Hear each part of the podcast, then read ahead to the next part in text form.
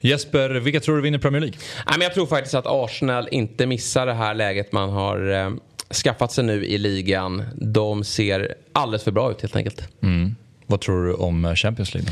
Nej, men det måste väl vara Citys tur då. I synnerhet då om ligan går till Arsenal så tror jag att det blir all in på Champions League och den här gången lyckas Pep. Mm.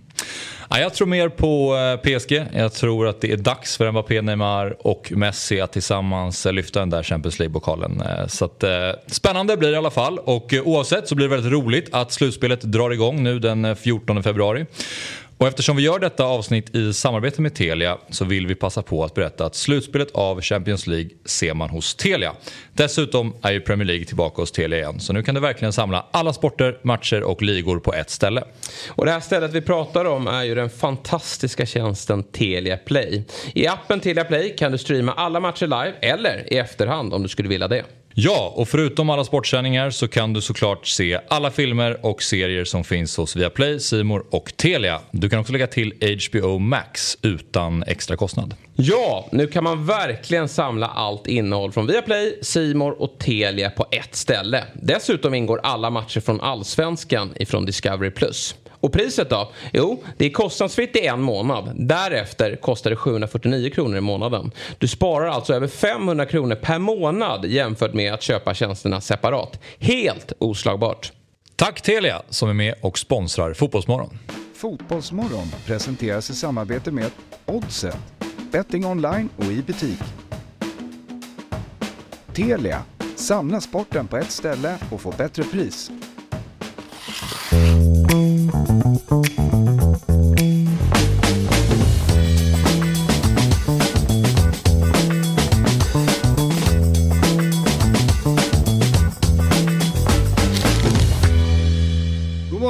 Hjärtligt välkomna ska ni vara till Fotbollsmorgon onsdag 8 februari vecka 6 och det är 2023. Ja det är det. Mm -hmm.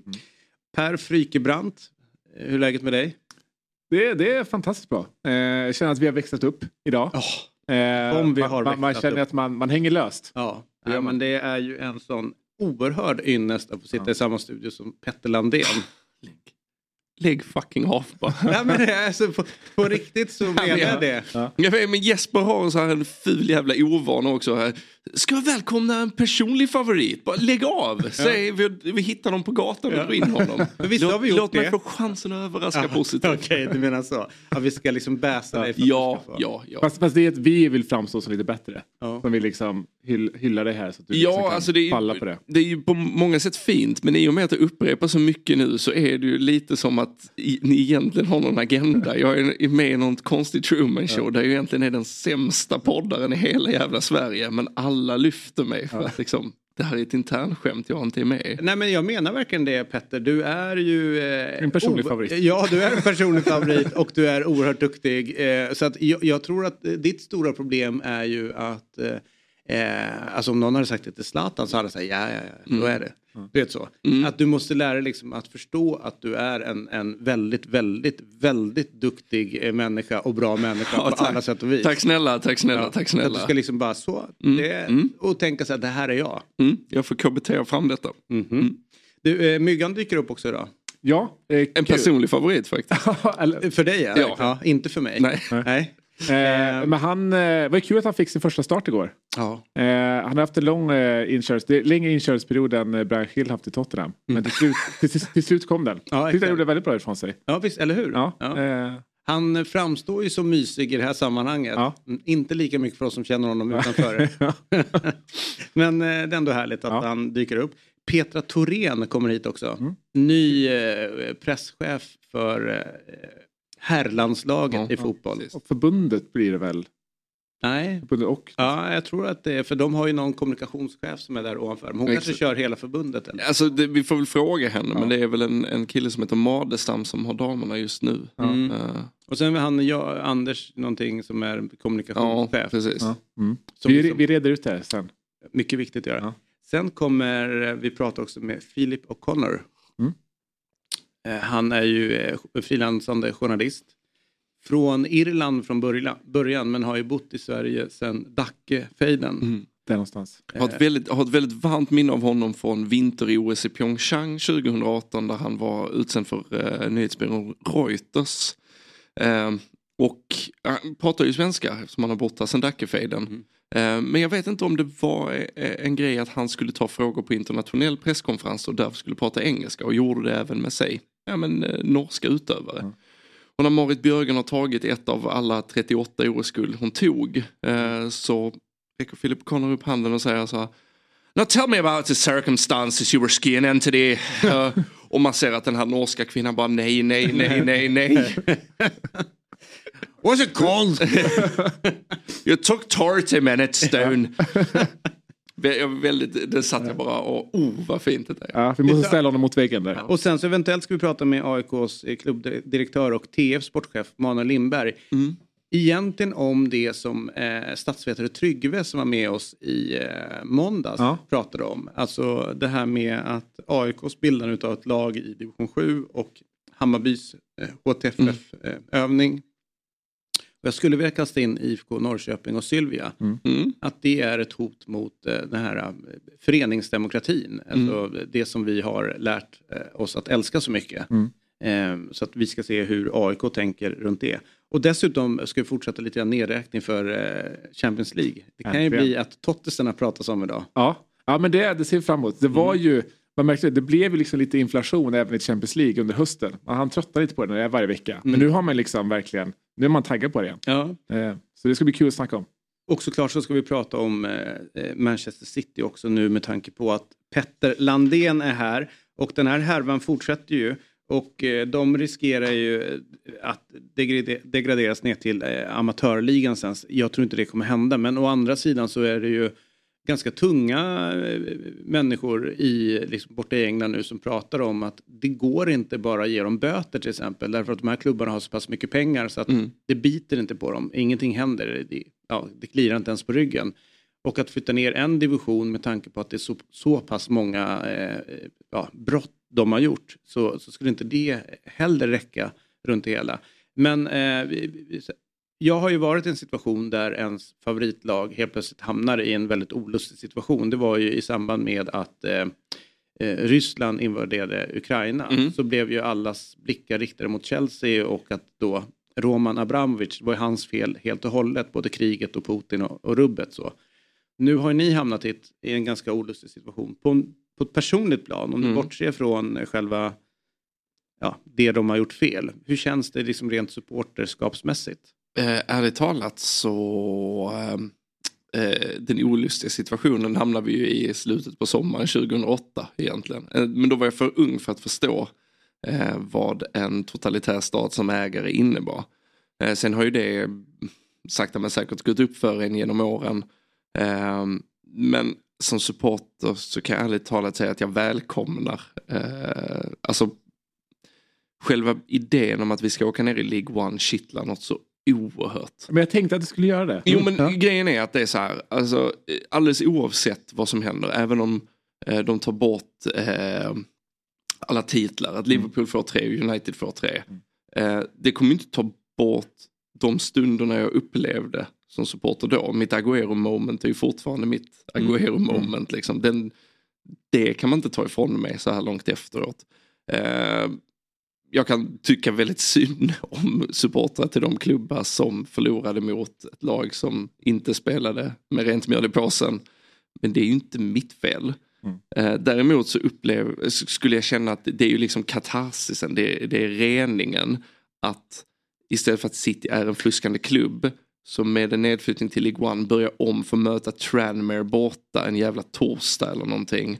Så blir det de fuskande åren. Mm och vi kan komma tillbaka. Eh, jag, jag skulle välkomna det för att det skulle vara eh, på något sätt att sona det brott som alla vet att de har begått. Alltså anklagelserna är ju nya men misstanken om fusk har väl vi pratat om i tio år eller? Mm. mm. Alltså, så här, jag vet, det är väl bara det senaste året sitter jag och presenterat fyra sponsoravtal med eh, en brevlåda i Singapore. Liksom. Det är ju, så sett är det ju inte nytt. Um, så att jag, jag, är, jag är rädd att vi inte kommer bli straffade hårt nog för mm. att hamna i mellanmjölksläge. Bara. Jag har sett ganska mycket reaktioner, alltså, men hur kan det ta så här lång tid? Det har vi ju vetat om. Ja. Men ska du möta världens mest välbetalda advokater med så ska du nog se till att underbygga ditt case jävligt tungt alltså. De har ju plockat in då en som heter Paul Harris och Lord David Panic. Eh, fast- Panic är väldigt ja, bra namn. Ja, exakt. Ja. Alltså, Eh, vill man framstå som oskyldig ska man inte anlita Lord Panic. Nej. Det är liksom... Och de eh, båda bär då Kings Council, alltså eh, titles. Alltså, Ja. Så det är, ju, det, är ju, det är ju fina titlar de båda två traskar runt med.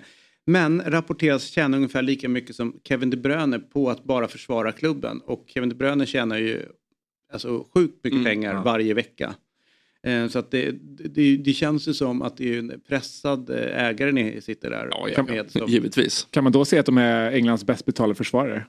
ja, det skulle man Ja. kunna säga.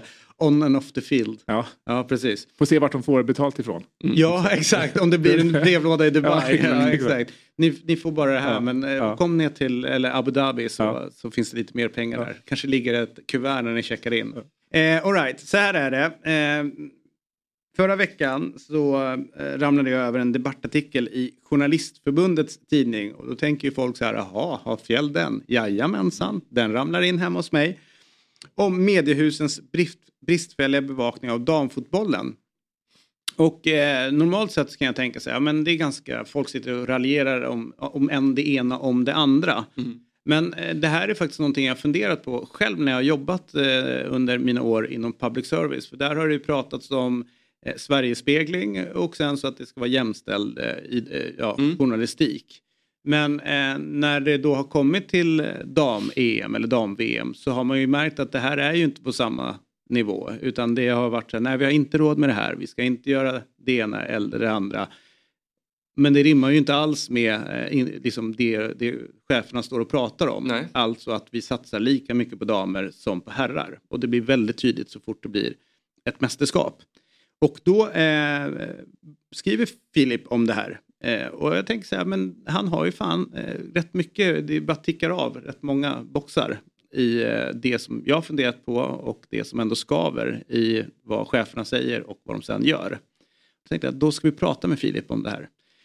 Så, eh, Philip O'Connor. Med den fantastiskt fina eh, dialekten får vi ändå säga. Eh, I synnerhet när du pratar eh, både svenska men när du ändå går igång på din irländska.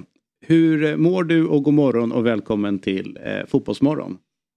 Tack så mycket. Det är en ära att få vara med. Men så här tidigt David, alltså herregud. En sportjournalist som är uppe ur sängen klockan nästan halv åtta på morgonen. Men eh, tack för att jag får vara med i alla fall. Mm, då ska du känna av hur det är att vara afrikan i det här läget och vara uppe vid den här tiden. det är ganska tufft alltså. Det är, eh, du vet, man jobbar sent på nätterna och sen så sitter man och väntar på att LeBron ska ta poängrekord i NBA och allt det här. Alltså. Så det, jag kan ta mig en liten snus efter det här, definitivt. Men eh, vill man att LeBron ska ta poängrekordet? Eh, Jag är inte riktigt säker om att jag vill det. Det är Kareem som har då, va? Jag tror, tror det. Ja, han har gått om honom nu, så han gjorde tillräckligt många poäng igår kväll. Jag såg det precis när jag väntade på er där, att eh, han gjorde det. Och mitt problem med det här är att liksom, man snackar om det. Jag, vill- jag vill bara inte glömma bort Al, eh, Abdul-Jabbar, men jag vill verkligen inte glömma bort Bill Russell som är alla bara, ah, men LeBron, he's the GOAT, he's the GOAT. Jag bara, nej, nej. Bill Russell har ju 11 titlar, han har ju vunnit allt som går att vinna. Och han, eh, han var verksam i en tid där rasism i Boston framförallt var ju fruktansvärt. Så liksom, LeBron har haft det ganska lätt i jämförelse. Är du Celtics-fan by the way? Tyvärr. Är man Ja, irländare det- och uppvuxen på 80-talet, då är man torsk på Larry Bird direkt alltså. Ja, jag och så förstår har det. det suttit i ändå sedan dess. Så liksom, den tiden var ju skitbra. Det är lite som med dig och Manchester City nu Petter. Mm. Eh, Den tiden var ju skitbra. De ungarna som kommer in i det nu är skitbra. Men det har varit ganska skrålt sedan dess. Men det är ju liksom, eftersom jag, jag skriver typ två artiklar om basket varje år så kan jag vara, det är där min fandom är. Jag kan inte göra samma sak med fotboll för att jag tänker det dagligen. Liksom. Eh, men tillbaka till fotbollen och eh, det, den eh, debattartikeln som du skrev, Filip. Om du ska lägga ut texten här lite grann för eh, de som tittar och lyssnar på oss. Eh, liksom dina, eh, ja, men dina tankar och varför du skrev den. Ja, alltså, alltså varför jag skrev den är en ganska lång historia, men egentligen är det bara så här att i november och december så var jag med och täckte ett VM i Doha i Qatar där hela världens media var där. Eh, liksom varenda journalist som jag känner förutom David Fjell var ju där på plats och täckte mästerskapet. Det var ju kameror överallt, det var studios nere i soken, det var folk som sände dygnet runt. Alltså det gick inte att gå någonstans utan att gå in i någon som var medlem i Journalistförbundet eller eh, det internationella motsvarande. Sen när man kommer hem sen och liksom varvar ner lite och sen så börjar man titta fram mot eh, det VM som damerna kommer ha nu i Australien och Nya Zeeland och det är inte alls samma grej. Och som frilansare börjar man ringa runt, man börjar kontakta olika mediehus, både i Sverige och internationellt Ibland får man inte svar alls för att folk vill inte säga nej, men det man får hela tiden är ah nej, vi måste skala ner lite nu, alltså vi har inte budget till det. Och det har man hört i, i ah, i, hela mitt liv egentligen. Det är varje gång du säger att du ska göra någonting med damfotboll. Jo, det hade varit jättebra, men problemet är att vi inte har pengar. Och min egen historia i det här David, och därför liksom, anledningen till att jag skrev det här var samma sak hände 2012. Jag hade varit i Kiev med det svenska landslaget. Vi hade täckt allting. Vi hade gjort fantastisk täckning för en stor nyhetsbyrå. Men samma, eh, ett år senare då, när EM skulle vara i Sverige för damer, då fanns det helt plötsligt, nej men du, du kan ju täcka matcherna för TV. Du behöver inte åka till några matcher. Och så kan du gå på finalen på Friends Arena. Det blir jättebra. Mm. Jag tror att finalen var ju den enda matchen på Friends Arena. Och jag tänkte, nej det här går ju inte. Det, är liksom, det är inte rättvist varken mot läsarna, tittarna, lyssnarna, men det är också inte rättvist mot de här spelarna som lägger ner lika mycket för bra mycket mindre än vad herrarna gör. Så den tiden då så tog jag frugan och barnen, kastade in dem i bilen och så började vi tälta runt Jönköping, där i liksom Sveriges mitten, jag vet att det är inte geografiskt mitten, men liksom eh, där någonstans. Och så körde jag till Kalmar, och så körde jag till Göteborg, och så körde jag till Linköping och Norrköping och bevakade matcherna där. Och det är ganska blygsamt vad en person kan göra, men jag gjorde det för att bevisa att det jag skrev för en nyhetsbyrå skulle användas det gjorde det, men än har ingenting riktigt förändrats. Det är fortfarande det här nu av att om jag kontaktar ett mediehus i Sverige utomlands så är det det här att, ja men lyssna, vi har ju inte riktigt pengar för det, men om, om du befinner dig på plats så kan du jättegärna höra av dig och, och då kanske vi kan ta någonting. Och det går inte. Som frilans så går det inte att, att gå på liksom ett, ett litet luftslott eh, till, till, luft, eh, till löfte där. Så det är därför jag skrev det här. Och det är egentligen liksom, det är riktat inte bara mot liksom redaktörerna, men de som sitter på pengarna, men också andra journalister, att vi börjar prata om det här, för det är ju inte okej. Okay. Nej. Du, eh, tusen tack Filip för ditt inspel och dina tankar denna morgon.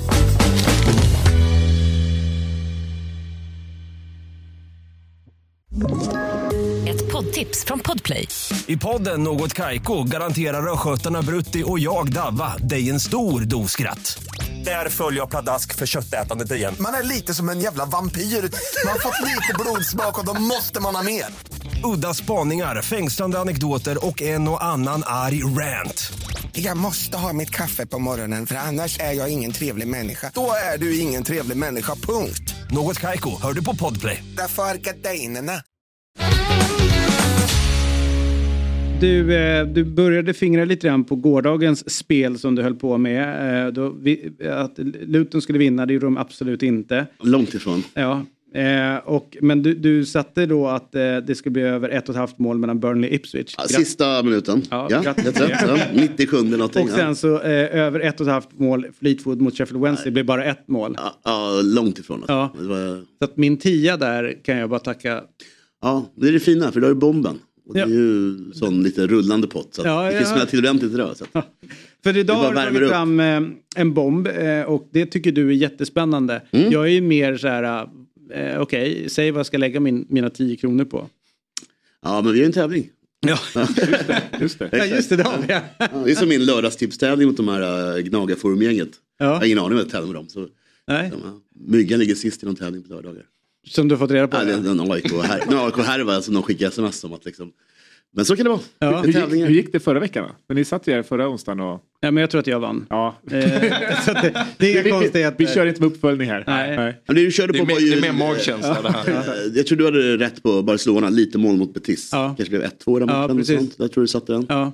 Inga konstigheter. Nej, så får någon, någon annan fånga, fånga ja. upp. eh, Nej, men eh, jag, jag kände att den, den var bra redan när jag la den. Ja, men det känns mycket som så här, Björn Hellberg för lägre engelska divisioner. Att man säger, ja men hur gick det egentligen mellan Grimsby och Rotherham? Ja du menar här. 2019? Ja men det är sitter här. 2-1 Ja, eh, exakt. mål. Ja, exakt. Det, det, det är ett sånt eh, kort catchminne. Jag har liksom 48 timmar, sen är det rensa historiken varje gång. Det är väldigt tomt sen efter det. Så Jag jobbar på den. Eh, det, det är ju så att eh, det här är en produkt från Svenska Spel, Sport och Casino. Åldersgränsen 18 bast. Och om du har problem med ditt spelande så finns stödlinjen.se. Så vi ska ta och kolla på Myggans Le Bombe.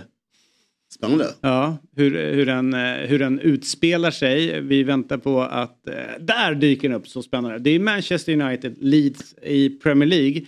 Någon form av hängmatch är det va? Eh, och där tror du på att det blir kryss eh, alltså, i den här matchen eller? Nej, det tror jag. Alltså, mm, jag tror kanske 2-1 United.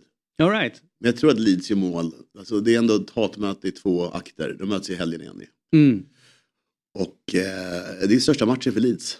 United borta. Så att, jag, ja, men jag, jag tror att eh, utan jänkan.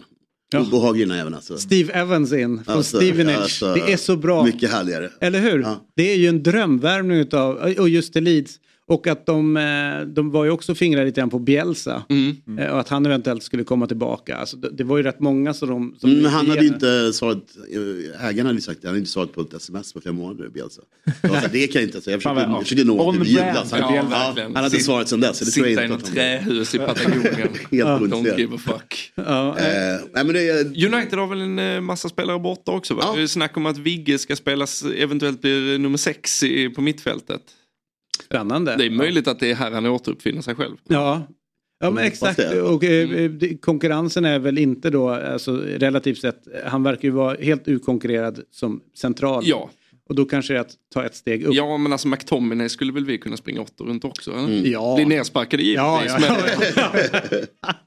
Ja men så är det ju. Men det roliga är ju ändå när den här rivaliteten som ändå finns när, eh, eh, när Alex Ferguson värvar eh, eh, Cantona från Leeds och är den enda som har koll på liksom, situationen Mm. som har uppstått i omklädningsrummet därför att Cantona råkar ha en relation med lagkaptenens fru. Den där hugger direkt. Ja, Ja. och eh, det tror ju de är en liten hemlis. Att det, det, har, det har liksom inte nått utanför Leeds. Men det har nått till Sir Alex som lyfter på luren och säger du, vi kan plocka honom, vi kan göra det en tjänst. Och efter det så är det ju, ja. Nej, man får respekt för att det det är ett riktigt hatmöte verkligen. Så Mm. jag hoppas på, på jämn kamp och lite, lite kämp av Leeds. Sen har vi en fin match ändå. Ja, sen har vi kvällens Fulham. lilla, lilla höjdare, helt klart. Den, den måste man ju se, apropå när Ja. Wrexham spelar och så här. Det är ju Mm. sådana här matcher man verkligen vill, eh, vill kolla in. Eh, Och eh, Fulham har, har stormatch i helgen så att de, ja alla matcher för dem är stormatcher nu i och med Europa, Europasurret på dem i ligan. Så att, nej, men jag tror det blir skitkul och sen så Sunderland hemma, jag tror de kan vinna. mm. 2-0. Och sen har vi Le Classique. Mm. Är det i ligan eller i cup? Eh, det ska jag ju veta. Idag är det, idag är det jag. Eller hur, visst ja, är det? Tror det. Ja. Mm, men det är snart. Men det är ändå att det, det, det är ju rätt mycket väst runt det här, de här matcherna. Jag har ju varit på ett, en sån här eh, i Paris dock. Okej. Helt fanatiska är de. Jag, jag har varit i Marseille. Ja. Det, det fick inte komma någon från Paris Nej. till stan. Nej. Eh, och eh, alltså gatan utanför velodromen. Eh, vi var där ett par timmar innan match. Eh, för att gå in på arenan. Det var det sjukaste jag varit med om. Mm. Alltså, helt fullt, folk som stod på biltak och brände bengaler och eh, det var en stormning av läktaren. Alltså det var bara Marseille-fans som skulle in. Liksom. Ja. Men, stämningen De var, arga, de var så arga på, på PSG som Ja, de var arga exakt. på varandra. Ja, liksom klubbshoppen hade ju PSG-tröjor som dörrmatta. Ja, ja. det var väldigt bra. Den, när jag var på den så var det alla bilar som hade Marseille-registreringsskylt i Paris Mm. på vägen ut mot arenan var ju fullständigt demolerade. Bara för att. Ja. Det är som så här, äh, kom inte hit och tro att det är någonting. Nej. Eh, Utan, och framförallt ta inte upp era bilar med den där registreringsskylten. För då ryker den. Den. Och, och jag, jag, innan jag fattade vad de höll på med, jag bara, varför slår de sönder bilarna? De bara, ja, men det, det den är för Marseille. Ungefär som, ja ja men då är det okej. Ja, ja, fransk, eh, tradition. Såklart att den ska gå sönder då ja. Det är fint ändå. det finns någonting. Ja, Ja. På tal, om, på tal om franska kuppen, vad tycker ni om, alltså egentligen, det är ju en kolonial rest, men jag, jag kan inte rå för att det blir så här, typ lite så här charmar när det är så här, oh nu ska ett lag som Martinique åka Ja, precis. 40 000 mil för att spela Coupe de France Ja. Tredje omgången. Ja, de åker upp... Eh, Exakt, Ja. alltså för det, Hela, hela gänget. hela liksom franska motsvarigheten till the Commonwealth. Jag älskar det. Ja, det måste torsk- England göra i ligacupen. Ja. Det skulle ju sätta få fart Alltså, på ligacupen ja. och. Ja. Eller hur? Commonwealth Cup. Ja, åh, det måste vi, det måste de ju dra igång. Det måste vi. Hur tänkte du? Ja, ja, vi är ju alla anglofiler här, Ja. eller? Ja. Nej, men det är spännande med Frankrike. De har ju två roliga saker tycker jag. Cupgrejen är kul. Sen att det är lokalsamtal till alla dem. Alltså det är ju subventionerade samtal. Ja, Jag det- ringer lokalt till Martinique till exempel. Ja, precis. Fortfarande. Det är väldigt eh, en fransk exercis. Varför släppte vi den här St. Barts egentligen? Ja. Jag tänkte på det igår faktiskt. Gjorde du det? Ja, jag det. Vet inte, vad, Som man gör lite till ja, mans. Ja, hur? Vad skulle vi vilja ha tillbaka? St. Bart. Ja, hur? ja. Det vore Vi ju... sålde ju det alldeles för billigt. Ja. till- Dagar utanför Estland, nej Ja. fan ska vi med det till. Ja. Men St. Barts, Ja. men det vore ju häftigt om vi ändå hade St. Barts kvar. Ja. Alltså det är, I och med att vi en gång var en stor makt. Det är ju på något sätt en, liksom ett, en, ja, men en så här kvalitetsstämpel på en stormakt. Tror ni, tror, tror ni att eh, länder utanför Sverige i sin historielektion pratar om den svenska stormaktstiden någonting? Eller pratar om, och ni minns den gamla stormakten Sverige? Nej, oklart. Men jag vet att i Tjeckien eh, så kan de ju fortfarande hota med barnen så här att eh, om du inte går och lägger, ner, eh, lägger dig nu så kommer svensken att ta dig. Att det liksom ligger kvar. Varför blir jag glad av att höra det? Vad- är det med mig som... Ja, jag blev också glad och Ja. väldigt stolt över eh, när jag fick det berättat för mig. Då sa jag så här, ja men det ska ni ha. För ni, ni vill inte att vi kommer att ta er. Exakt. Men, men St. Barts känner nog det. Alltså, där har, huvudstaden är, det är Gustavia. Ja, absolut. Eh, och det och finns liksom Stockholms Road och Där allt. borde ju vara 08-nummer. Ja, Det är så gammalt. Ja. Man ringer Ja, sex siffror för att boka bord på nyårsafton. Ja, exakt. Du bara ringa Bara ner. köra på. Men eh, hur som helst, så det är här du landar in i. Så vet man ju liksom inte vad oddset blir runt den här i och med att det, om det blir... Eh, alltså, Nej, precis. precis. Eh, Beroende på Resultaten. antal och resultat och vilka spelar på vad. Men Marseille kanske lite svacka och eh, Mbappé är borta som vi vet. Mm. Men jag tror ändå att de eh, cementerar. Det här är kuppen. Ligan är 26 februari kollade jag upp. Ja. Att, eh, ja, men men det, samma Marseille, alltså hemmalag då också. Spännande. Och som sagt var, ett spel från eh, Svenska Spel, Sport och Casino, åldersgränsen 18 år och om du har problem med spelen så finns stödlinjen.se. Vi ska faktiskt gå vidare nu och prata lite Champions League. Eh, och eh, igår så pratade vi om PSG och idag så är det dags för Tottenham och Manchester City. Och deras eh, som kommande resa framåt. Först bara eh, eh, som Tottenham-supporter så är du liksom inte lika van vid Champions League-spel. Och nu raljerar jag Nej. inte kring det utan det är fakta. Eh, hur, hur sprallig är du runt Champions League nu när, när ni ska spela? Ja, men jag blev ver- verkligen sprallig. Alltså, lite som jag sa innan, alltså, här, nu har man verkligen så byggt upp en förväntan igen. Sen så är det ju, Tottenham spelar ju helvitt i Europa. Eh, och aldrig annars. Och det är någonting speciellt med det som man går igång på. Liksom. Det, då, då blir det en extra liksom, speciellt tillfälle. Eh, så jag, eh, nej, jag är taggad. Och eh, för Citys del så är det ju likt eh, det PSG höll på med eh, ganska, ganska lång tid. Nu är det dags att vinna den där eh, jävla Champions. Är det det, alltså, har, har ni gått så långt så att det är liksom det som är nästan bara okej, alltså semifinal och framåt? Eh, ja, med nyligen resultat färskt i minne så känns ju en Champions League-seger fruktansvärt eh, avlägset. Eh, men givetvis är det så, alltså det har väl varit eh, ett mer eller mindre uttalat mål sen, sen Pep tog över egentligen. Eh, och eh, Haaland-vävning är ju inte för att befästa någon slags liga-dominans. Vi, vi får hålla ett ett resultat i en borta retur. Ja, liksom, exakt. Ja, tydligen eh, läste någon insider att eh, den eh, tappade dubbelmatchen mot Real Madrid. Det är liksom, Pep Guardiola är fortfarande helt rasande Mm. över det. Mår dåligt, kan inte sova på nätterna. Tappar det pyttelilla Stackarn. hår han har Ja. kvar. Ja. Men eh, de- det här dubbelmötet då mot eh, Leipzig Mm. som ni har, eh, vad, vad är tankar kring det? På pappret så ska det ju bara ställas av, eh, givetvis. Men City efter VM i Qatar städar inte av lag på samma sätt längre per automatik. Vad beror det på tror du? Eh, ja, det, det, är inte så jävla bra stämning i truppen just nu.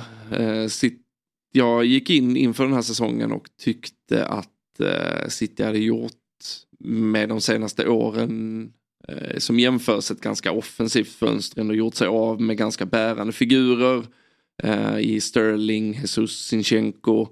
Eh, rörde runt mer i grytan än vad de gjort. Eh, liksom sett, I början av pepptiden givetvis, då var det ju stora skiftningar. Men sen har det lugnat sig ganska mycket.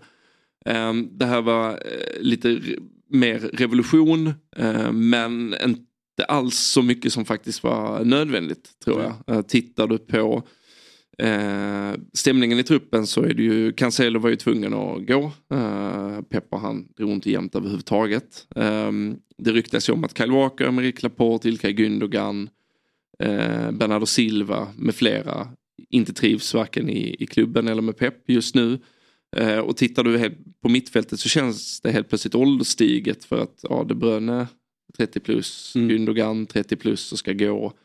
Eh, ja, Rodri är ju där, men det är väl det liksom, som är den fasta punkten. Och man vet inte om Grealish ska gå ner långsiktigt, ska få den gå ner långsiktigt, ska få den få spela något mer igen. Vem vet? Nej. Eh, det är inte så jävla glada dagar i de himmelsblå delarna av Manchester och Nkunku vill väl visa att han är en av fyra bra högeryttrar i Chelsea nästa säsong. Jag är lite, lite nervös inför det här mötet faktiskt.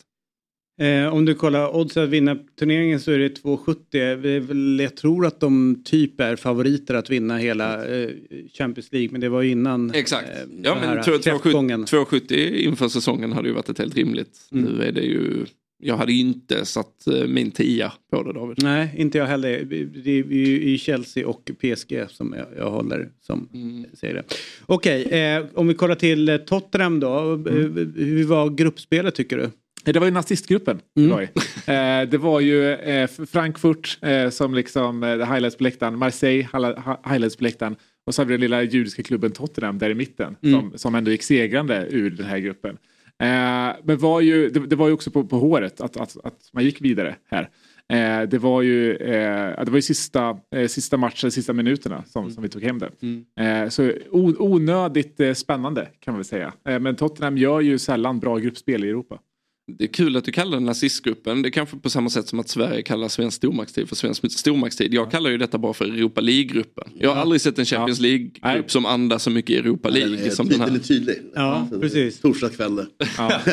men, men eh, om man då vill vara en eh, kvällstidningsmakare och sätta en mer spetsig ja, rubrik. Ja, ja, så är ju per, nazist... per är skickligare än vad jag är. Exakt, på rubriksättning. Ja, exakt, inte det andra. Nej. Nej. Och, och eh, då åttondelen, vad tänker du kring den? Ja, men här var, när, när den här lottningen kom så tänkte man först ja det här blir, kan bli lite knivigt men fortfarande en, en jäkligt rolig eh, lottning. Mm. Eh, det är sådana här lottningar man vill ha. Nu är ju Milan, är ju, har ju, det är mer kaos i Milan än vad det är i, i Tottenham och City. Eh, så just nu är det väl, det är väl bästa, bästa möjliga lottning just nu känns det som. Eh, med tanke på det eh, får vi se om ens Pioli är kvar till, till nästa, eh, till tisdag, är väl som matchen är. Hur mycket kittlade med tanke på vad ska man säga, hyggligt mycket nutidshistoria. Eh, ja, men, men jag tänker på vårt senaste möte i Champions League. Ja. ja eh, verkligen. När eh, Gattuso tog eh, ja. stryptag på våra tränare och det var liksom, ja, hej kom och hjälp mig. Eh, men lite så, det är mm. ju det, det, är därför man också taggar till lite grann.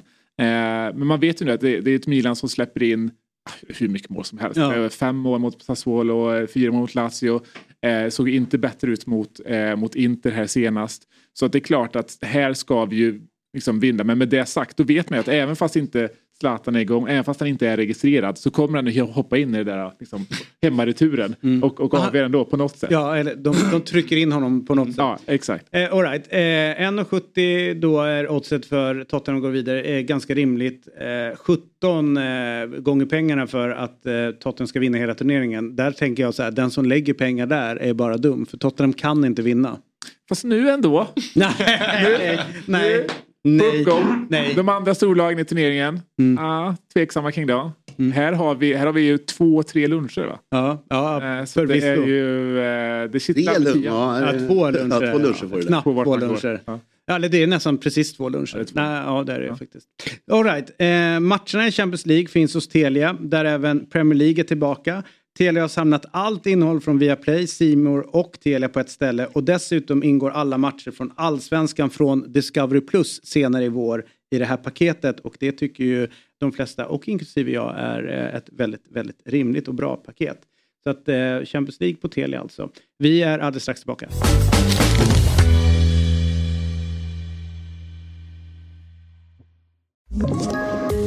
Poddtips från Podplay.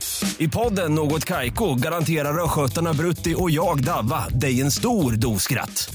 Där följer jag pladask för köttätandet igen. Man är lite som en jävla vampyr. Man har fått lite blodsmak och då måste man ha mer. Udda spaningar, fängslande anekdoter och en och annan arg rant. Jag måste ha mitt kaffe på morgonen för annars är jag ingen trevlig människa. Då är du ingen trevlig människa, punkt. Något Kaiko, hör du på Podplay. Därför är gardinerna. Då är vi tillbaka i Fotbollsmorgon och eh, vi får väl säga eh, först och främst stort grattis och eh, vad kul med att Petra Thorén är dels här och eh, grattis till nytt jobb. Ja, tack. Verkligen. Eh, 29 år blev det på Aftonbladet och Sportbladet eh, och du har även varit ordförande i Sportjournalistförbundet eh, under de senaste åren. Eh, och får vi ändå säga eh, som läsare och konsument en av de mest läsvärda eh, journalisterna eh, som man har haft eh, förmånen att, eh, att läsa. Varför lämnar du journalistiken? Ja, det är en eh, stor fråga, en befogad fråga och en fråga som jag eh, eh fortfarande liksom funderar på. Varför gjorde jag det och varför tog jag det steget? Men jag ser ju inte det som att jag lämnar journalistiken utan ehm, 29 år, det är eh, en lång relation och eh, jag har haft fantastiskt på Sportbladet. Jag har lärt mig så mycket och fått vara med om så enormt mycket och eh, har träffat så många härliga människor. Men kände, ska man någon gång innan man blir allt för gammal göra någonting annat så kanske det var nu när den här möjligheten dök upp och just ordförandeskapet då i Sportjournalistförbundet, där har jag liksom jobbat väldigt mycket med just det här arbetsmiljön för oss journalister. Alltså hur kan vi förbättra den? Hur kan vi förbättra relationerna med de stora förbunden och haft mycket dialog både med Svenska Fotbollförbundet och SEF i de frågorna och eh, de har varit väldigt lyhörda. Så jag ser det mer som att jag fortsätter mitt verk för journalistiken Mm. fast från en annan plattform. Då. Mm. Jag ska bara be dig prata lite närmare micken tror jag. Eh, jag vet att det är en jobbig stol att sitta på. Men, men Jag kommer sitta på tyngre stolar, det är svårare stolar för- sannolikt. så Framöver, ja. Jag behöver... Eh, det, det är ju, vi har ju sett, eh, och inga jämförelser i övrigt, men vi har ju sett eh, journalister, nu senast någon som gick från journalistiken in till statsrådsberedningen, men eh, som sagt var inga jämförelser sådär. Hur, hur svårt blir det tror du, liksom, där rätt många journalister kommer förvänta sig nästan att ah, nu är Petra en av oss här, nu kommer det bli på ett, ett helt annorlunda sätt, samtidigt som du har Ja, en, ja, ja. Samtidigt som du har en arbetsgivare som har ju sina, eh, de, de kommer från sitt håll. Eh, Just den där eh, potentiella krocken, har, har du reflekterat någonting kring det? Ja, det stod ganska tydligt när, när jag fick uppdraget och det blev offentligt att det, det finns en, en sån uppfattning och känsla i journalistkåren eh, att, eh, att nu är det en som kommer från, från våra led som kommer in här och kan påverka och förändra. Jag kan ju inte svinga några trollspön och allt eh, blir helt förändrat. Och det tror jag inte att det behöver bli heller för att det finns mycket som är väldigt, väldigt bra. Men eh, ja, det hade ju varit värre om det inte hade varit positivt. Utan jag får utgå från den plattformen med att det finns lite förväntningar och se vad, liksom, vilken lyhördhet jag kan ha mot, mot våran kår. Och eh, få försöka jämka det med, med liksom, förbundet och herrlandslagets eh, liksom, mm, både uppfattning och, och egna liksom, förväntningar på hur det ska vara men jag hade inte gått in i den rollen om jag inte hade känt att det i samtalen finns också en uppfattning om att det ska vara öppet, att det ska vara ett eh, lyhört klimat och eh, en bra tillgänglighet. Så att jag tror att det finns eh, ett bra sätt att rota ner sina rötter i och, och växa därifrån eh, och eh, förhoppningsvis vara den här bryggan mellan då. Det kommer inte alla kommer inte vara nöjda. Nej, Nej, nej. Så, så är det. Och, och det här det, är det eh, herrlandslaget eller herrlandslaget och förbundet kombinerat? Ja, men den här tjänsten då som jag tillträder den 20 februari, så jag har inte Ja. börjat än. Jag ska ut och Nej. hälsa på dem idag, men eh, den är 50 procent eh, kopplat då till, rent till herrlandslaget, så presschef för herrlandslaget. Så då är Mm. man med på samlingar och, och liksom all, all medieaktivitet kring det. Och sen är det också, vilket jag också, det är frågan varför jag lämnar journalistiken, men jag är väldigt engagerad både i fotbollen överhuvudtaget som ungdomsledare. Jag älskar det här bre, bredden, ungdomen, eh, damfotbollen, engagemanget och det är ju 50 procent där att få vara med och påverka i folkrörelsen och, och kanske ner på, på liksom ungdomsnivå och hur fotbollen uppfattas där är ju också något som ligger i mitt uppdrag och som jag också ser fram emot. Mm. Eh, vad, vad, tänker du, hur öppet kan ett landslag vara? Vi, vi har ju alla hört om de gamla gubbarna då som eh, jobbade på början tidigt 90-tal prata om att ja, men på den tiden var det bara att gå ut på, efter träningen och då fanns alla tillgängliga. Det var inte så många eh, tjejer och kvinnor som jobbade, eller fick jobba på den tiden. Eh, men som så, så öppet lär det inte bli igen. Men hur mycket kan man skruva på öppenheten runt ett landslag tänker du? Jag var ju med på 90-talet några, några innan, tjejer fanns innan, ja, innan, jag, jag innan du kom in. Men det var öppet också då. Men vi var ju så få som bevakade. Det var Hans Linné och, och det var jag och det var några till från Aftonbladet. Och, och sen var det var liksom sex, sju reportrar ute på de stora matcherna. Så det är klart att eh, intresset för landslaget är ju så enormt mycket större. Eh, så det, kanske, det går inte att ha den här liksom, totala eh, öppenheten som liksom man kanske haft i Danmark där alla går in och, och liksom hugger den spelaren de vill. Det får ju finnas någon form av liksom struktur kring det. Kring det. Eh, men vänta, paus. Har det varit så i Danmark? Tidigare i alla fall, okay. men nu är det nog långt tillbaka. Okej, okay. ja. jag tänkte om det har varit så, varför skulle det inte kunna vara så i Sverige? Ja, men det här är också långt tillbaka. Nu ja. är vi tillbaka mm. på, på kanske på 90-talet, 98 på VM, mm. liksom, då, mm. när man bara minglar omkring med Bröderna Laudrup och hela gänget liksom, i Frankrike. Det är klart att den formen av eh, liksom tillgänglighet tror jag är svårare att ha.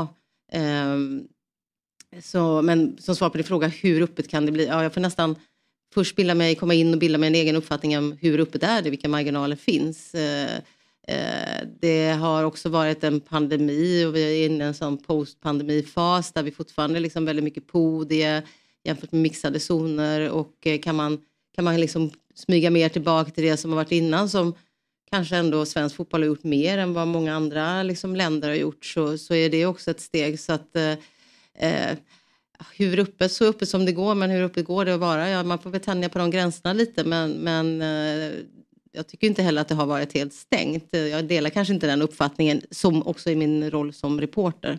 Fast det, ursäkta jag avbryter, men det som har varit frustrerande kan jag känna både när man själv var ute på och jobbade runt landslaget och eh, Sen eh, har, satt, är kvar den här eh, WhatsApp-gruppen såklart som finns eh, och, och, ibland så blir man eh, helt förundrad över när de säger så här idag är de här spelarna tillgängliga och så tänker jag att det finns ingen egentligen som är intresserad av att prata med just de här spelarna utan att det, det rör sig och liksom allt snack är kring andra spelare.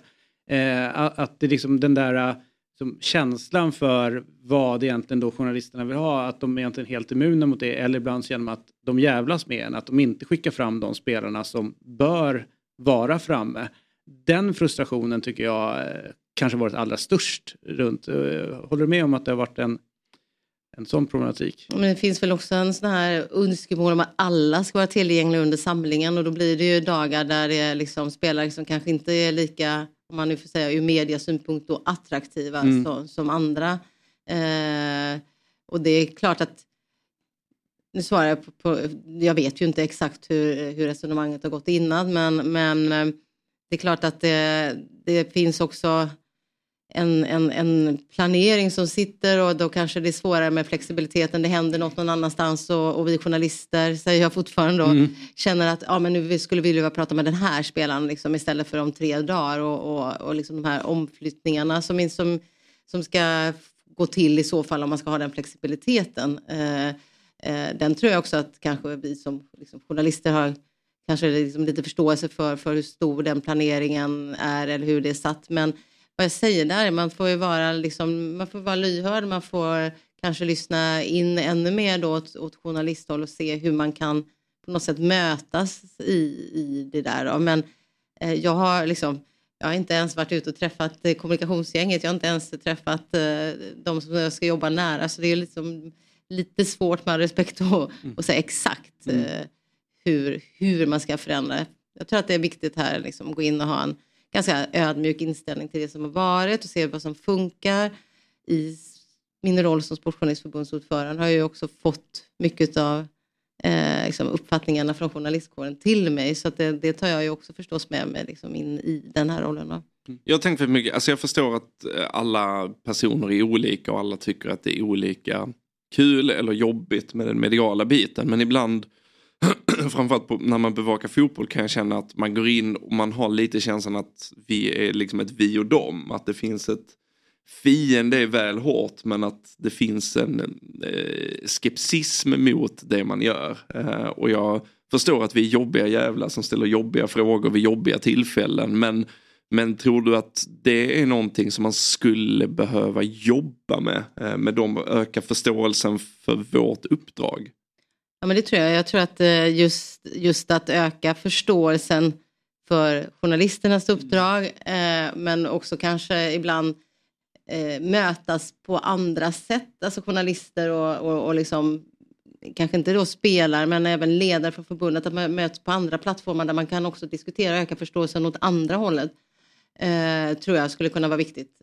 Låt säga att man har liksom, eh, mer så avspända runda bordet-samtal mm. någon gång per halvår där man kanske får en lite större inblick i, i eh, liksom hur, hur de olika uppdragen är. Men sen är det väl ett av mina främsta liksom, eh, skäl till att de tar in mig är väl för att öka förståelsen för journalisternas roll och eh, jag tror att det är jätteviktigt. Alltså, man sitter i en katakomb på, på Friends Arena, det finns liksom inga fönster, det är svårt och det tv kommer på, det är ibland svårt både för oss som skriver och för de som sitter på podiet sannolikt att förstå liksom vem man vänder sig till. Mm. Eh, ja, jag vänder mig till eh, liksom, de unga killarna och tjejerna som älskar Premier League. Det är klart man vill ha frågor om från dem, om, från dem, eller till dem mm. som spelar i Premier League. Liksom. För, även om det är ett national break och alla sitter och suktar efter eh, ligafotbollen. Men nu, nu helt plötsligt finns de här. Det är klart att alltså, man talar till sina supportrar.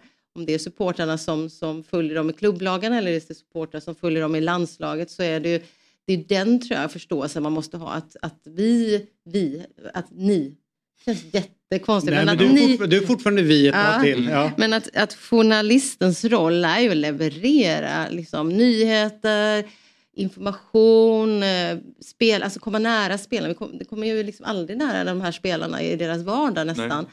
Så att det, är liksom, det är ju tillfället och då måste man också tror jag, öka den förståelsen för att här är chansen att tala till dina supportrar. Mm. Det är liksom, Petter sitter där och ställer sin fråga men bakom Expressens kamera så finns det någon som läser och det är till den personen som man vänder sig. Och det tror jag liksom eh, det tror jag redan den förståelsen finns och det tror jag att de i landslagsledningen jobbar, eller det vet jag att de jobbar med, att det är liksom för supporterna, för fansen.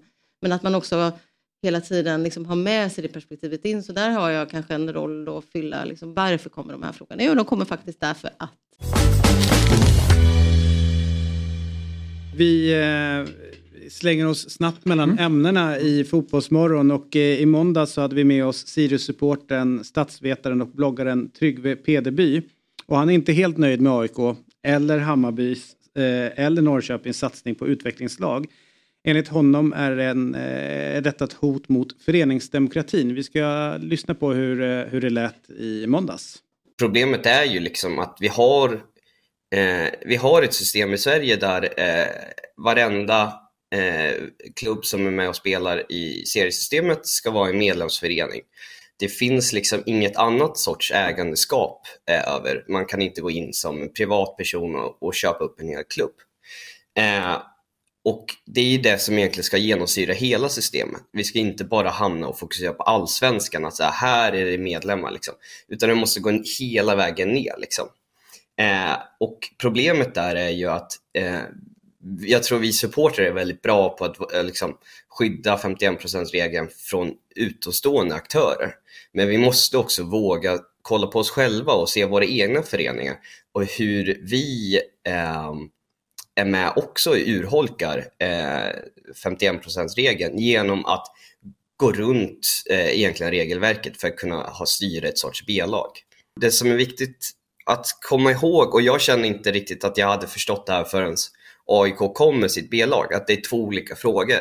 Dels är det det här att man eh, Eh, tar över identiteten av en existerande förening och bryter bort IK Frej och det blir liksom HTFF. Alltså att det är den, samma som när det kommer till AC eh, Eskilstuna eller Red Bull Leipzig, det här att man snor en identitet och förändrar den. Det är ju liksom eh, ett problem. Men sen så måste man också se frågan, eh, för, för där hamnar ju inte AIK. AIK kommer ju inte in och liksom tar över ett existerande slags identitet och formar om det. Men den andra frågan är just ägandeförhållandet. Eh, liksom ägandeskapet av en annan förening. Eh, hur, hur, liksom, hur det går emot den demokratiska fotbollen. Och där, det var därför jag egentligen ville gå in på det här, för att där kommer ju AIK, oavsett vad de gör, just eftersom vi har det regelverket och det systemet i Sverige, att varje förening ska vara fristående, en egen medlemsförening, så kommer de också bryta liksom, eh, mot 51% regelns anda. Liksom. Det var alltså Tryggve Pederby som var med oss i måndags och nu ska vi ha med oss AIKs eh, klubbchef och VD Emanuel Lindberg för att prata just om det här. Först och främst god morgon och välkommen tillbaka till Fotbollsmorgon och en dag Emanuel så ska du sitta med oss i studion och inte bara vara med på länk. Det lovar vi eh, varandra. Ja, idag, idag har ni haft mig på Arlanda istället så jag försöker hitta ett hörn här där det inte ska ropas ut en massa meddelanden men vi får se hur det går. Eh, vi hade ju som sagt var Tryggve Pederby med oss i måndags och han menar att eh, den övningen nu som AIK eh, håller på med, med att dra igång ett lag i division 7 rundar 51% regeln och är ett hot mot eh, svensk fotboll och föreningsdemokratin. Hur ser du på det? Nej, jag håller nog inte med Tryggve där. För det första är ju, är ju den en egen förening. Det är ju inte, det är, ju, det är två skilda föreningar här med eget årsmöte, egna medlemmar, egen eh, styrelse och så vidare. Så man ska skilja det här från, från AIK, FF, eh, så är, det här, så är det här en egen förening och vem som helst kan ju liksom vara medlem och delaktig i, i, i det föreningslivet ändå. Så att där, där, tycker jag, där tycker man behöver skilja på det. Och vi bryter absolut inga regler och gör ingen, liksom, om man nu vill han uttrycka det i sitt uttryck, Bayern utan vi, vi, vi startar en ny förening eh, från grunden. Och, och eh, ja. Vilka sitter i styrelsen i den här nya föreningen? Just, just nu är det ju, är det ju personer inom, inom AIK, men det, det, det, kan ju ändras här med tiden när den här föreningen växer. Just nu är det ju, är det ju en väldigt liten förening självklart. Men vår förhoppning är ju att det här ska bli en, en större egen fristående förening också. Eh, sen är det ju som för alla, vi behöver ju skapa spelmöjligheter och träningsmöjligheter och bra matchmöjligheter för, för alla våra spelare. Det är inte alltid så lätt heller. Var du vilan? Ja, men eh, om man kommer utifrån, jag blir nyfiken på syftet. Är det just att liksom kunna eh, ge en större så att säga AIK-trupp fler eh, spel och spelmöjligheter i en högre division? Eller vad, vad, vad är tanken bakom startandet? Nej, alltså, vi, vi behöver hitta, hitta bra matchmiljöer för alla inom AIK och många dessutom är så att man kommer liksom till ett P19-lag och alla hamnar ju inte heller i, i AIKs herrlag eller och så vidare utan det är ju att hitta spelmiljöer för de som vill spela seniorfotboll även om man liksom inte är på, på allsvensk nivå eh, så vill vi hitta liksom olika spelmiljöer och det, det är därför vi gör ett sånt här projekt. Men det är klart att potentiellt så finns det ju, i och med att det inte finns no, det är inte reglerat, alltså om, om alla allsvenska lag skulle dra igång en egen förening och som, som sen vandrar upp i, i seriesystemet så är det klart att vi har en potentiell krock där, där det finns ett tydligt ägarintresse eller medlemsintresse från AIK in i den här klubben, Hammarby och HTFF, om eh, Nor Norrköping och Sylvia. Alltså, det skulle ju potentiellt kunna vara en högsta liga där AIK eh, ena lag möter det andra laget eh, längre fram. Det, det, måste väl ni också se att det finns farhågor att folk lyfter det? Ja, nu får man inte ha två lag i, på, på, i samma liga. Nej, men i och med att det är en egen förening som du säger. Liksom. Ja, det är en, e- ja, en egen... Och då, egen då kan de ju ta hela vägen upp till allsvenskan. Ja, ja absolut. Vi, vi skulle de kunna det. Eh, men det är liksom inte riktigt syftet med det hela heller utan det är ju för att skapa miljöer där, där vi skapar bra seniormiljöer för många spelarna som inte är eh, som kanske annars hade slutat eller inte på allsvensk nivå eller som behöver utvecklas. Eller, och, um, ja. Eh, jag tänker, alltså, även om det inte finns något regelverk mot eh, en, en känsla i den internationella fotbollen har rört sig någon slags mot en typ av hyperkommersialism.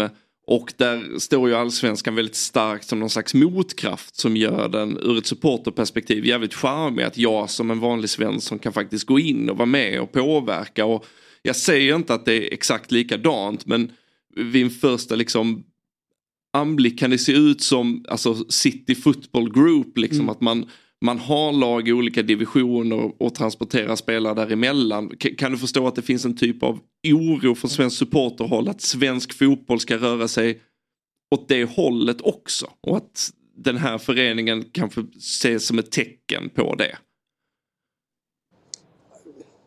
Nej, jag, jag, förstår den tanken. men jag tycker nog att det är lite långt ifrån verkligen. Vi, vi är ju i Sverige, vi har 51% regeln och vi står ju bakom liksom hela föreningsvärlden. Så jag, jag känner nog ingen jättestor oro, oro över att Sverige skulle bli något citygroup eller eh, sådär. Det, det känns som det är väldigt, väldigt långt bort från, från den värld vi lever i och, och, och det är ingen målsättning vi har heller för den delen.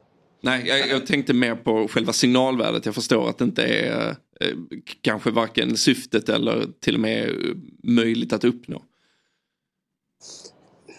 Ja, nej, ja, ja, nej det är klart att alla olika, kan ha olika åsikter men, men det är som sagt att det är varken ett syfte eller det vi försöker uppnå heller med det här så att eh,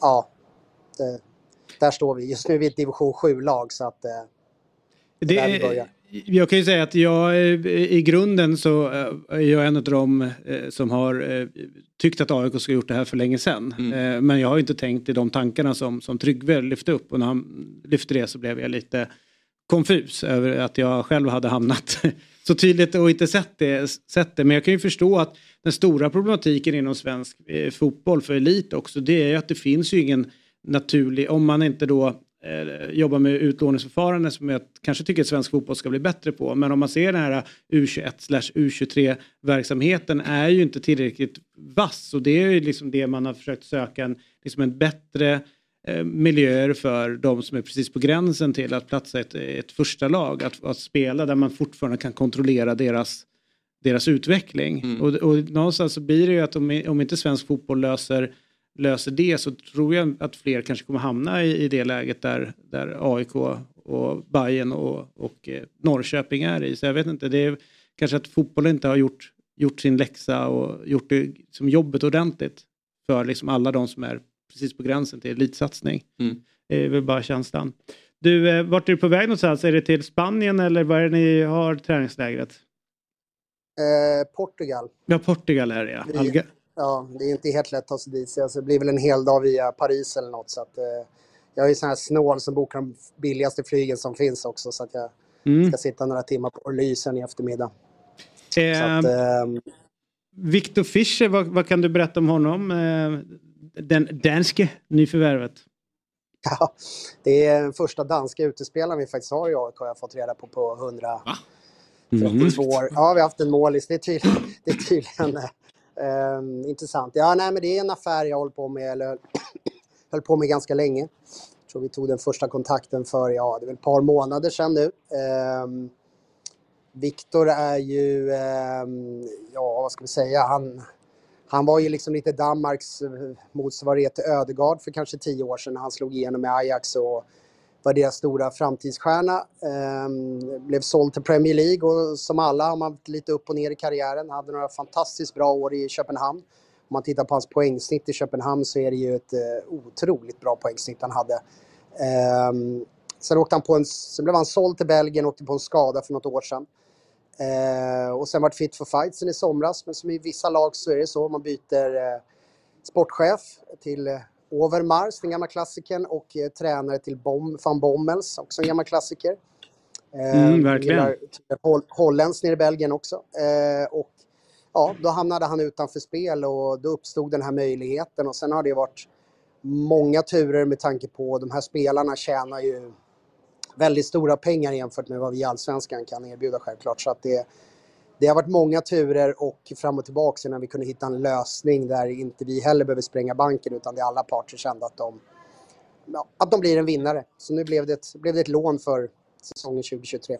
Ja, vad, vad, vad är Edge där? För precis som du säger, alltså Victor har ju en, en, en väldigt fin karriär bakom sig. Ajax, Middlesbrough, FCK. Han har ju liksom inte tjänat eh, kaffepengar där bara. Vad var det som gjorde att ni kunde locka, vad ska man säga, projektet AIK den här säsongen att, att han skulle ingå i det?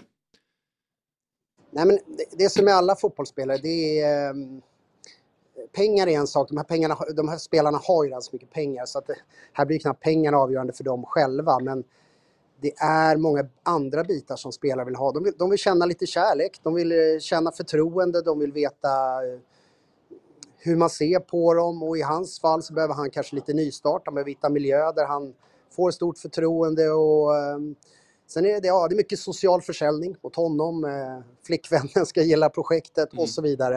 Eh, och sen har han varit många år i FCK och har ju lite den här mentaliteten kring som vi har i AIK som är liksom det är fulla derbyn och han vet vad som gäller. Han, han, han har den mentaliteten och gillar den typ av atmosfär som vi, som vi kan erbjuda i AIK. Eh, sen har vi vissa fördelar mot våra grannar. Vi kan erbjuda naturgräs.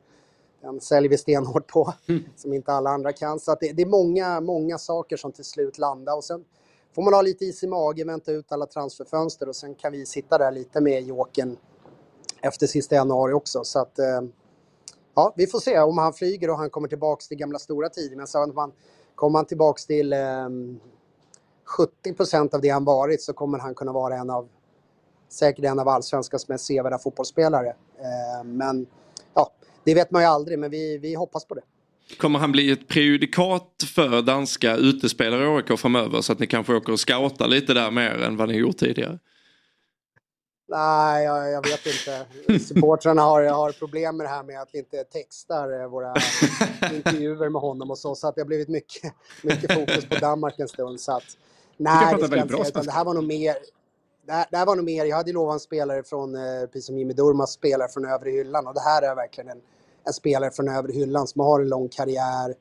Och, och möjligheten uppstod ju också genom att det blev en försäljning av Nicolas Stefanelli som, som inte kanske var planerat från början. Men då ville vi liksom hitta en multianvändbar offensiv kraft lik Stefanelli var. De är samma ålder och uh, samma typ av position som kan spela egentligen på alla, alla offensiva platser. Så det blev en förhoppningsvis en Stefanelli 2.0. Är det fler spelare på väg in? Letar ni fortsatt? Nej, nej, vi håller väl liksom dörrarna öppna och, och, och, diskuterar en del namn men eh, just nu har vi ingen panik. Vi har en ganska stor trupp fortfarande. Eh, även om det har försvunnit en del spelare men ehm, eh, dyker upp bra namn så är, så är absolut dörren öppen men det, det, är inte så att vi aktivt letar lika hårt längre. Eh, vi har inte heller Keita som var våran näst sista eh, nyförvärv har ju inte ens kommit till Sverige än så att vi har ju eh, spelare fortfarande på ingång. Mm. Du, eh, tusen tack för att du tog dig tid och eh, var med Fotbollsmorgon denna morgon. Flyg försiktigt och så vill jag bara varna för flygplatsen i... Eh, Olia. Ja, den är så tråkig så ja, det finns det... inte. Kan ja, vara Ladda ner en film på telefonen. Ja, exakt. jag är på, ett, på terminal, terminal 2 nu på Arlanda. Den är inte jättespännande. nej, nej. Nej, det är bra att du håller i pengarna. ja, säga. precis. Det var billigt i alla fall. Det var ja, billigt, så. ja, så är det. Härligt. Tusen tack och lycka till med resandet. Ja, tack, tack. Ha det gott.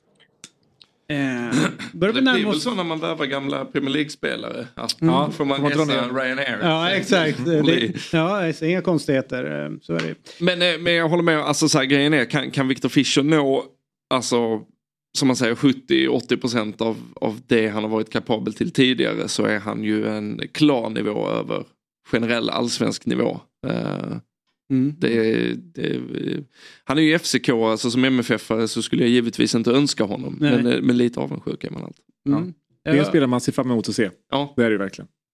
Och att han har gjort den utseendemässiga resan från Paradise mm. Hotel-vinnare till statist i Sagan om ringen-filmerna mm. gör ju inte honom mindre intressant. Nej, nej, eh, nej precis. Han ser också ut, påminner lite grann om Sankt Erik. Eh, ja, alltså, det, verkligen. Ja. Mm. Alright, eh, vi börjar närma oss slutet. Programmen på dobb.tv rullar på i full skala nu inför helgen när Premier League gör comeback. Där finns Eurotalk. Mm. fantasy-tv och idag, apropå då eh, anti-Premier League, så, så är det dags för 08 fotboll också. Eh, som snurrar på, som handlar om den viktigaste ligan, eh, alltså allsvenskan. Interna Stockholms... Men bara, ja, Ja. Och, och de viktigaste lagen. Ja, exakt. Är BP representerat? Vad säger du? Är BP representerat? Nej, Nej. har aldrig varit. Och eh, har ju varit i perioder och varit arga över det också. Mm. Men... Eh, Jag visste att de inte var representerade, jag Ja. ville bara pressa dig lite. Ja, nej, det behöver inte bli. Jag blir inte dugg pressad. Utan, eh, jag drog igång 08 2005 och då konstaterade vi att det blir ingen BP. För att, AIK FF kanske? AIK FF är några... Före BP. Ja, nej, AIK FF är ju själva fotbollsföreningen. Jag vet inte riktigt vad det här division 7-laget Nej, heter. Men nej. det blir väl snart att HTFF Ja. och AIKs division 7-lag kommer pratas om. Eh, och så kommer Djurgården säkert dra igång någonting också. Så att det blir väl sex lag det pratas om, men inte BP. ja, så är det. Stort tack för den här morgonen. Tack själv. Eh, helt fantastiskt att, eh, att eh, ha er här. Ni är lite av personliga favoriter. Ja, jag tänkte komma till det. Att det är ju... Du är en personlig favorit också. så Ja, eh, Per från, eh, från Frykens Brant Ja. är ju så fa- eh, fantastiskt fint efternamn. Tack. Eh, och, eh, och sen har vi Petter. Ja. Vi kanske inte har eh, efternamnet på samma nivå, Nej. men du har en personlighet. Ja, tack snälla. Min, min, min flickvän heter Rapp. Ja. Eh, Ja. Vilket det, jag får väl bara byta vid något. Ja, eller du behöver inte, utan bara hela din personlighet. Liksom. Ska jag ha ett artistnamn som Prince? Att jag Ja. bara är Petter? Ja, exakt. Fan, men det var någon som hann före mig. Det Ja, det var ju det. En musiker, eller hur? Ja. Eller Men du- då- rapartist. Ja, men då kastar det bra om du byter namn till just rap. Eller bara, ja, Petter just Rap. det. Ja. Fan, Eller, ra, eller rap-Petter. Ja, Exakt. Mm, cirkelslutning. Ja, fan härligt. Ja, vi. Vi är tillbaka imorgon. Då sitter ju Jesper Hoffman här. Ytterligare en favorit. Han är fin. Ja, ja han är väldigt fin. Och Niklas Niemi är här Ja. också. Så det är ju två härliga människor som dyker upp. Tack för den här morgonen. Hej då! Fotbollsmorgon presenteras i samarbete med Oddset, betting online och i butik. Telia, samla sporten på ett ställe och få bättre pris.